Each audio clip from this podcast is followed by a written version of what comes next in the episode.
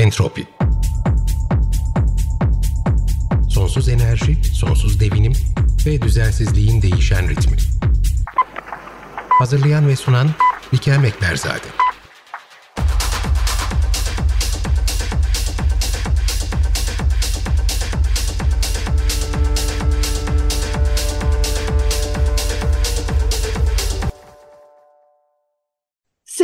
Serpil hoş geldin. Ben çok uzun zamandır seni aslında programa almak istiyordum. Kısmet bugüneymiş. Sen film sektörünün, prodüksiyonunun, e, hatta reklamların aslında e, geçmişin oradan biraz başlıyor. Bütün bu bizim görsel olarak bir illüzyon gibi içine girdiğimiz beyaz perdenin arkasındaki, mutfağındaki insanlardan bir tanesisin. Sektörü çok iyi biliyorsun. E, gelişimine birebir sen tanık oldun içerideki emekçilerden birisi olarak ve dediğim gibi yani çok uzun zamandır ben aslında seni entropiye almak istiyordum ama Türkiye'de malum gündem sürekli olarak sıcak olduğu için bir türlü fırsat bulamadım ama artık e, şeytanın bacağını kıralım istedim ve senle biz yavaş yavaş entropide bu konuları da masaya yatıralım istedim. Şimdi aslında biz seninle telefonda konuşurken ben sana anlatmıştım benim e, şu son dönemde özellikle bunu entropiye taşımak istememin nedenlerinden bir tanesi bu dizi sektörü. Her ne kadar sen o işin içinde olmasan da sen daha film tarafındasın işin ve biz bugün zaten film kısmını konuşacağız ama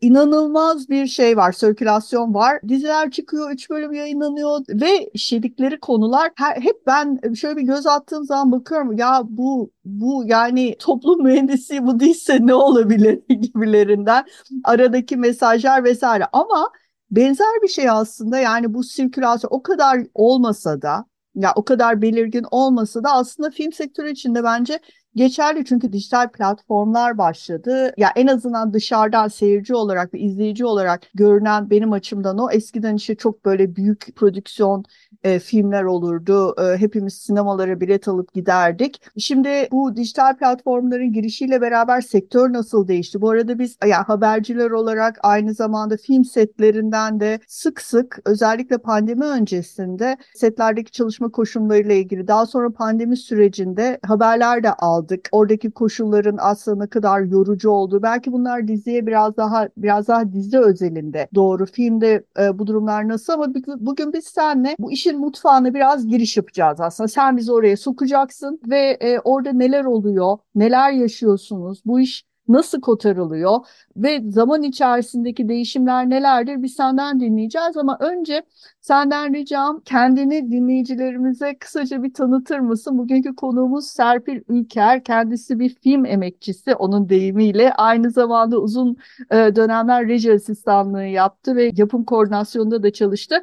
Hoş geldin Serpil. Mikrofon sende. Önce senle başlayalım. Sen nasıl bulaştın bu işlere? Ondan sonra da yavaş yavaş entropinin bugünkü konusuna giriş yaparız. Merhabalar. Öncelikle 25 yıl sonra e, tekrar Açık Radyo'da olmak çok güzel. Evet Onunla senin başlamak isterim. senin bir de açık radyo geçmişin de var. Doğru. Ondan bir başlayalım aslında. Evet, evet. Okul e, yani ben iletişim fakültesiyle başladım. Çok yanlış bir yerden başladım sektöre. Aslında e, güzel sanatlar bölümünde şeyle yetenek sınavıyla girilen bir bölümdü sinema televizyon o dönemler kaldırma, kaldırılmadan önce yani.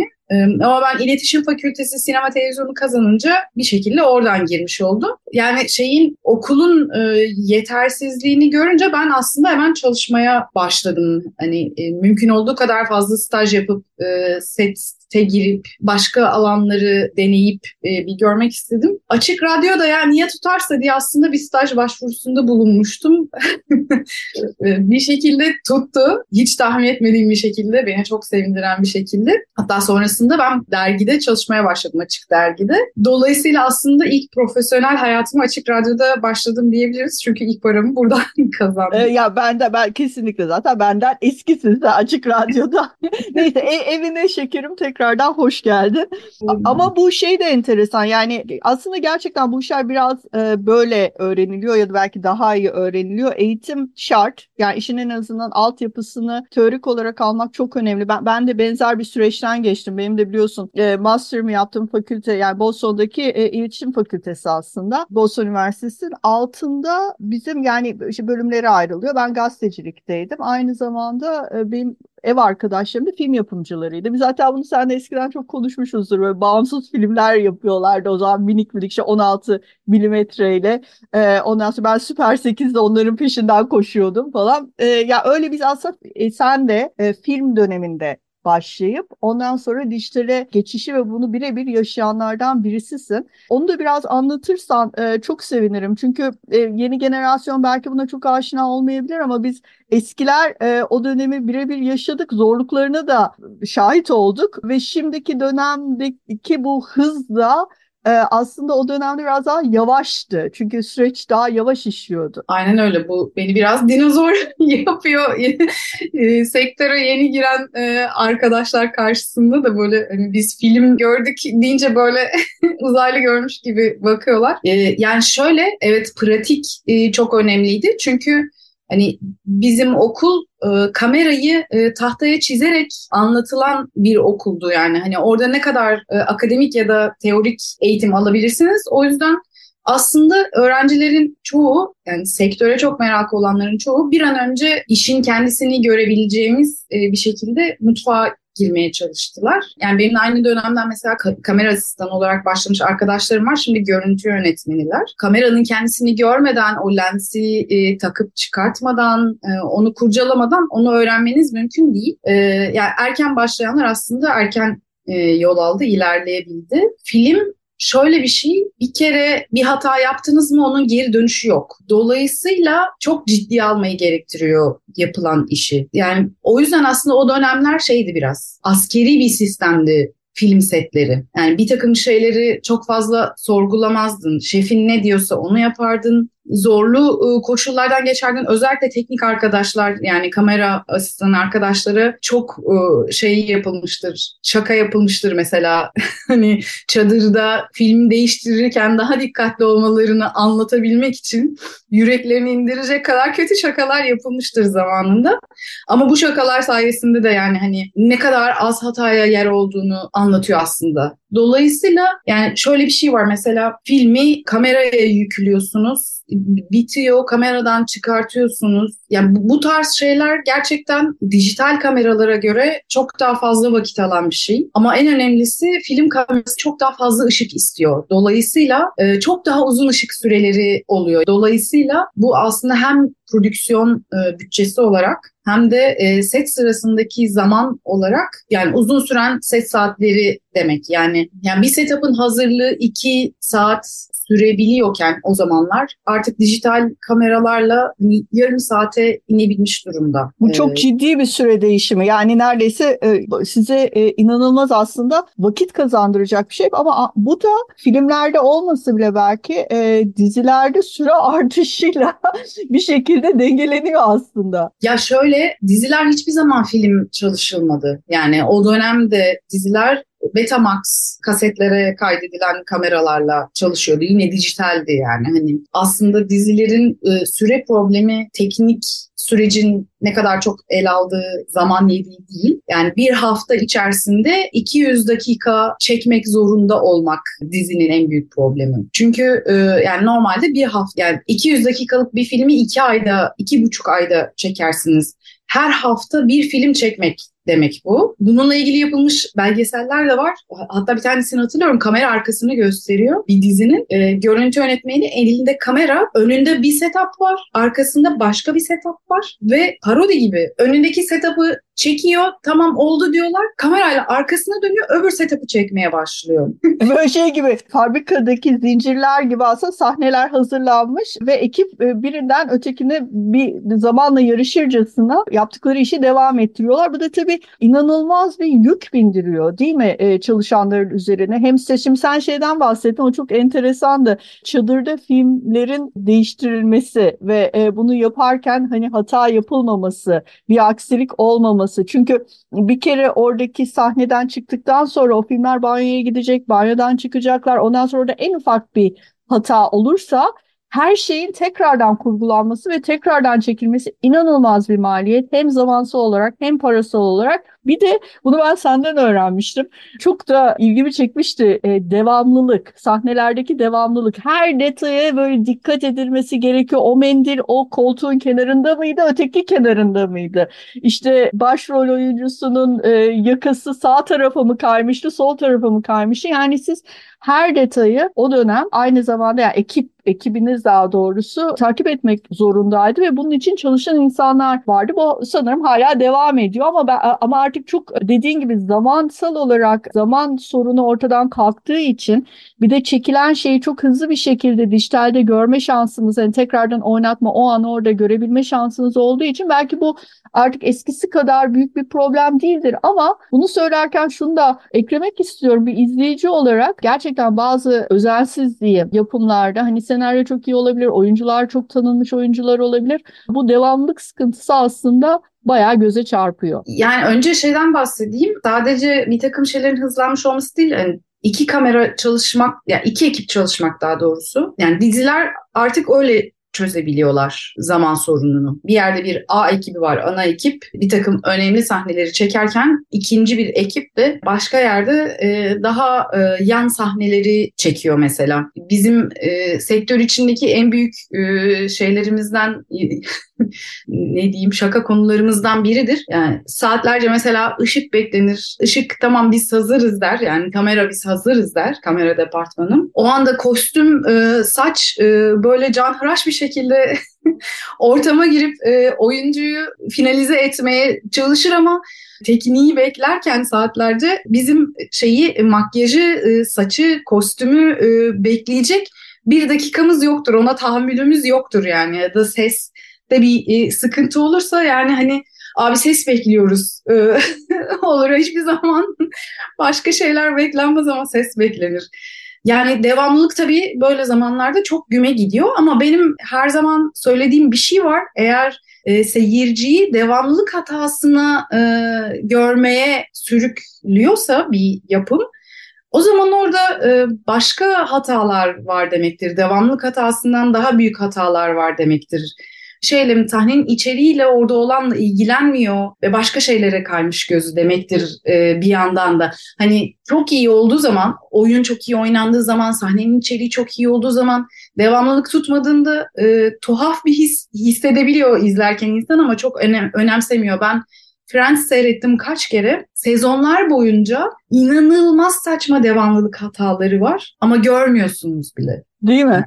Kesinlikle o çok doğru bir yani tabii sektörün içinden gelmek başka bir şey işte. Çok doğru bir saptama. Yüzde yüz katılıyorum sana. Dediğim gibi böyle ben ara ara yeni çıkan dizileri özellikle takip ediyorum. Hani bir mesaj verme kaygısı var mı? Derdi ne? Eğlendirmek mi? Ajite etmek mi? İşte sadece rating kaygısı mı hani bir an önce patlatalım şu işleri hepimiz para kazanalım ne, ne, ne için bu dizi çıktı hani bu oyuncular neyi anlatmaya çalışıyorlar bize yazılan senaryo çerçevesinde dün akşam da onlardan bir tanesine denk geldim aman Allah yani kendimi kesmek üzereydim o böyle Yeşilçam'daki uzun bakışmalar falan yani e, hiç yanında solda sıfır kalır bu böyle aştı onu uzatmalar uzatma ya orada her detaya izleyici dikkat etmek zorunda. Hiçbir şey olmuyor sahnede çünkü. Uzun bakışmalar, çok e, uzun süren esler vesaire. Ha 9'da başladı mı bittiyse başladı. 11.45'te tam böyle bitti mi bitti. Aradaki süreyi senin söylediğin gibi doldurdu mu doldurdu ama ne oldu? Yani onların hepsini aslında bir film çekiyor olsak ve bu senaryo yani senin aslında asıl uzmanlık alanın olan filmler olsaydı çok daha kısa sürede hepimizin hayatını cehenneme çevirmeden toparlayabilirdik hikayeyi. İnanılmaz vakit kaybediyoruz televizyon önünde. Bu belki biraz pandemi döneminde de insanların çaresizliği yüzünden sarıldıkları bir alet haline geldi aslında televizyon ve orada dizilerin belki sayılarının bu kadar artması biraz da son dönemde bu yüzden yani hepimiz elimizdeki minik aletlerle, e, evimizdeki e, sayısız kanallarla birçok şeye maruz kalıyoruz ama bu başka bir zamanın konusu. Sen de bunu da e, ilerleyen zamanlarda hatta belki bir konuk da alarak yanımıza konuşacağımızda söylemiştik. Şimdi ben konudan kopmamaya çalışarak e, asıl mevzuya geri dönmek istiyorum. Ben çünkü biraz dağıtma meyilinde olan bir insan olduğum için konuları sen de iyi bilirsin. Şimdi 99 yılında sen rahmetli hocam dediğin rahmetli Oğuzhan Tercan'ın yanında reklam filmleriyle bu işe başladın. Ondan sonra sinema sektörüne girdin. Sonra bir sendika kuruldu. Ve sen e, buna şahitlik ettin. Yani birebir o dönem e, içindeydin. Biraz o mücadeleyi anlatır mısın bize? Neler oldu? Ya yani bugünkü konumuz çünkü aslında film emekçilerinin sette yaşadıklarıydı ama dediğim gibi biz o kadar uzun zamandır ben seni buraya çağırmak istiyorum. Böyle seninle o kadar çok konuşmak istediğim konu var ki. Bu da tabii ilk bölümümüz değil illa ki seninle yapacağımız ilerleyen zamanlar içerisinde. O yüzden şimdi bugünkü konumuza bu sendikalaşma olayına biraz dönelim ve emekçilerin sette karşılaştıkları zorluklar, sektörün değişimiyle birlikte e, bunlar nasıl değişti? E, yoğunlaştı mı, azaldı mı? Biraz o konulara girersen çok sevinirim. E, onları senden bir birinci elden dinleyelim. Ondan önce aslında senin dağıttığın konuya bir dönmek istiyorum. Çünkü e, senaristler de aslında bir e, film emekçisidir ve o uzun uzun bakışmalar ekip ya yönetmen ya da senarist size işkence yapmak istediği için e, internet sınırlarınızı zorlamayı test etmek için olmuyor, yapılmıyor. O uzun uzun bakışmaların sebeplerinden bir tanesi de yani bir normal bir insanın her hafta 200 dakikalık, 150 dakikalık, 120 dakikalık içeriği yazabilecek bir kapasitesinin olmaması. Yok fark ettim onu. Dolayısıyla e, hani yazıla, yazılamayan noktalar öyle uzun uzun e, bak. Ve hatta bunu tiye alan bazı diziler de var aslında. Yani onların da hakkını yememek lazım. Böyle biraz bazen izleyiciler de şey yapabiliyor. Yani açık radyo izleyicilerini tenzih ederek bunu söylemek istiyorum böyle biraz yüzeysel bakabiliyor bazı dizileri ve diyor ki ya diyor yani ne kadar salt bir konu ya da filmleri aslında altında böyle çok e, ince bir hiciv var onun. E, sektörü de eleştiren, kendisini de eleştiren, Allah ben ne yapıyorum burada da diyen yeri geldiğinde e, onu yakaladığım zaman çok e, hoşuma gidiyor. Bana çok lezzetli geliyor. Haklısın. Onda yüzde yüz gene sana katılıyorum. Şeye dönersek e, sendikalaşma sürecine eskiden set ortamı nasıldı, e, sonra neler değişti noktasına dönersek önce bir e, şey söylemek isterim sendikalaşma sürecinde ben çok birebir aktif e, rol almadım. Gözlemlerimi ve tanık olduğum şeyleri aslında il, e, iletebilirim. Dilerseniz ilerleyen bölümlerde bir sendika çalışanıyla da bir program yaparız. Süper olur. Aldım bunu yazdım bir kenara yapalım mutlaka. E, şöyle yani benim başladığım dönemde sinema yani da genel olarak filmcilik devlet içinde e, tanımı yapılmış, e, sınırları konmuş bir sektör değildi. Dolayısıyla Dolayısıyla herkes istediğini yapabiliyordu. Her yani bizim için şuydu. Bir proje geldi. Onu bitirmek için ne gerekiyorsa onu yapacağız. Bir zaman sınırı var ve o zaman sınırında yapılacak, yapılacak bu. Ee, ve zaten çok sıra dışı bir meslek. Çünkü gerçekten saçma sapan saatlerde çalışıyorsunuz. Yani ben Gecenin bir yarısı sete gittiğimi biliyorum. Takside inerken adam Haliç, Haliç Köprüsü'nün altında bu kız acaba bu saatte burada ne yapıyor? Hiç de böyle tuhaf da bir tip değil ama e, diye böyle bir garip olup bana mesela e, abla sen burada ne yapacaksın diye dayanamayıp sorduğu zamanlar olmuştur yani. Ya da bekleyeyim mi seni gibi. saat, çalışma saatleri, girdiğimiz çıktığımız mekanlar, çalışma koşulları bambaşka bir e, sektör. Bizim hiç ne cumartesi pazarımız vardır, ne bayramımız vardır. Yani e, uzunca yıllar ben bayram var diye setin iptal edildiğini yani set yapılmadığını görmedim ta ki sendikaya kadar yani mümkün olduğu kadar hani uzun işlerin içindeysek bayram e, süresince artık birkaç gün off verilmeye çalışılıyor. Dolayısıyla şimdi sınırlandırma olmadığı zaman sınırsız yani her şeyi yapabilirsiniz. Dolayısıyla ön hazırlıkta deliler gibi çalışılıyor. Ben ofiste uyuduğumu çok gece uyuduğumu bilirim ofislerde.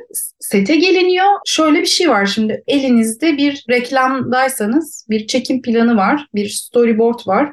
Diyelim ki 30 tane plan var. O 30 planı o gün bitirmek zorundasınız. Ve yani sabah başladınız artık gece 11'de mi bitiyor? 2'de mi bitiyor? Kaçta bitiyorsa 4 sabah 4'te mi bitiyor? Kaçta bitiyorsa o saate kadar. Beni bu ortamın içinde aslında en çok üzen çocuklardı. Çünkü çocuklar da eğer çocuklu bir senaryosa çocuklar da sizinle beraber o şeyin içindeler. O zamansız sürecin içindeler. E, bu çok e, gerçekten e, vicdani olarak yıpratıcı Tabii. şey. ya yorucu bir şey e, hayat yani düzenleri alt üst oluyor. Onları geçtim. Çocuklar bir de Serpil ya son dönemlerde e, mesela bunu dizilerde de çok görüyorum. Filmlerde belki hani konu itibariyle çok e, uygun olmadığı için çok sık rastlamıyoruz. Ama bebekler yani yeni doğmuş bebekler sette e, ben onları dizilerde gördüğüm zaman dehşete düşüyorum. Yani onun e, koşulların ne kadar hijyenik olduğu oyuncu onu alıyor öpüyor kokluyor kucaklıyor bir ton bir şey. Ve çocuklar sürekli sürekli uyur haldeler, uyuyorlar. Ya bilmiyorum bu peki mesela sendikada çocuklar ve bebekler için bir koruma statürü var mı? Yani onların sendika durumu nedir? Tabii ki, tabii ki. Yani o oyuncu sendikasının içerisinde e, yaşlara göre kısıtlanmış saatler var. Yani yeni doğan bir bebekse mesela bu aslında siz onu set ortamına getiremezsiniz artık onun olduğu ortama gitmeniz gerekir. E, bir yandan şu şekilde de çözülüyor bebekli işler. Yani bebeğin e, yüzünün çok e, belirgin olmadığı durumlarda çok bebek getiriliyor mesela. Hani ya da çocuk yani hani yedekli çalışılıyor. Yani çünkü iki saatse e, sizin e, bir bebekle çalışma süreniz iki saat bir bebekle çalışıyorsunuz. Onu setten gönderiyorsunuz. Bitmediyse işiniz başka bir iki saat diğer bebekle çalışıyorsunuz gibi yapılan durumlar da var. Bir de Bebek gördüğünüz her plan aslında bebek değil. Çünkü buna ekipler de artık çok özen gösteriyorlar, dikkat ediyorlar. Yani bebeğin birebir görünmediği yerlerde çok bebek benzeri maketler kullanılıyor. Gerçekten bebek zannedebiliyorsunuz. Yani onları, onları evet onları birkaç yerde dikkat ettim. Gerçekten böyle bir şey var ama gene de yani tabii dediğim gibi ya bu e, filmlerden biraz bağımsız daha çok işte hani çocukları ilgilendiren kısmı e, bunu detaylı olarak konuşalım. E, şimdi e, şu sendikalaşma kısmına geri dönersek, sürece geri dönersek, sen birebir içinde değilim dedin ama e, aynı zamanda da bir film emekçisi olarak çok yakından takip ettin. Sonrasında nasıl gelişti süreç? Dediğim gibi çok sıra dışı bir şekilde e, çalıştığınız, çok hızlı bir şekilde çalıştığınız, saatlerce uykusuz kaldığınız, e, ağır malzemeleri taşıdığınız, ee, dışarıda, soğukta, e, sıcakta, dağda, bayırda zor fiziksel koşullar altına girdiğiniz bir e, ortam set ortamı. Hatta o dönem e, madencilikten sonraki en zor iş olduğu söylenirdi. Şimdi böyle e, bir ortamda çalışıp yeterli uykuyu alamadığınız zaman yeteri kadar dinlenemediğiniz zaman, iyi beslenemediğiniz zaman artık vücut diyor ki ben bittim. Yani sen beni zorluyorsun ama ben artık daha fazla çalışamıyorum. O yüzden bir noktada e, set kazaları yaşanmaya başlıyor. Set dönüşü kaza yapıp insanlar hayatlarını kaybediyorlar ve biz artık bunları çok sık duymaya başladık. Yani ağır yaralanan sette, e, set dönüşü dediğim gibi kaza yapıp hayatını kaybeden maalesef ekip arkadaşlarımız oldu ve bu bu çok aslında şey yapılır, sindirilebilir e, ve e, kabul edilebilir bir şey değil sonunda sektörün e, içinde uzun süredir bu işlere kafa yoran meslektaşlarım taş yani ellerini taşın altına koydular ve harekete geçtiler. İlk önce teknik ekip harekete geçti. Çünkü e, teknik ekipte şöyle bir şey var. Şimdi bir planın e, flu olması demek net, net olmaması demek. Tekrar gidip o planı tekrar çekmek demek ve bu bir büyük bir prodüksiyon bütçesi. Kabul edilebilir bir şey değil. Şimdi siz bir insandan o planı net çekmesini istiyorsanız o insanın o planı net çekebilecek durumda olması lazım fiziksel olarak. Uykusunu almış, karnını doyurmuş olması lazım ki ne yaptığını biliyor olsun. Şey oluyor çünkü yani belli bir saatten sonra e, böyle bir saçma bir bilmiyorum insan dinleyenler hiç o kadar uykusuz kaldı mı? El kol koordinasyonu gidiyor, kafa bambaşka bir yere gidiyor. Yani dümdüz yürürken bir ışık ayağına çarpma ihtimaliniz çok yüksek mesela. Tabii bir de öyle bir durum Yani- var. E, Yani setlerde aslında e, çok fazla ekipmanın olması, kabloların olması, standlerin olması bunların hepsi ve çok hızlı hareket edilmesi gerekmesi ve de, senin de dediğin gibi hani du- duyuların açık olmasını gerektiren bir süreç. Dolayısıyla ayık ol- olman lazım orada. Şimdi e, Serpil burada bir virgül vereceğiz. Bugünkü e, programın sonuna geldik ama biz seninle sohbetimize şimdi devam edeceğiz. Bunu biz e, Entropi'de iki bölüm olarak peş peşe yayınlayacağız. O yüzden şimdilik sana teşekkür ederim yayına katıldığın için. Bir sonraki iki hafta sonraki bölümde görüşmek üzere diyelim efendim. Ben teşekkür ederim. Görüşmek üzere.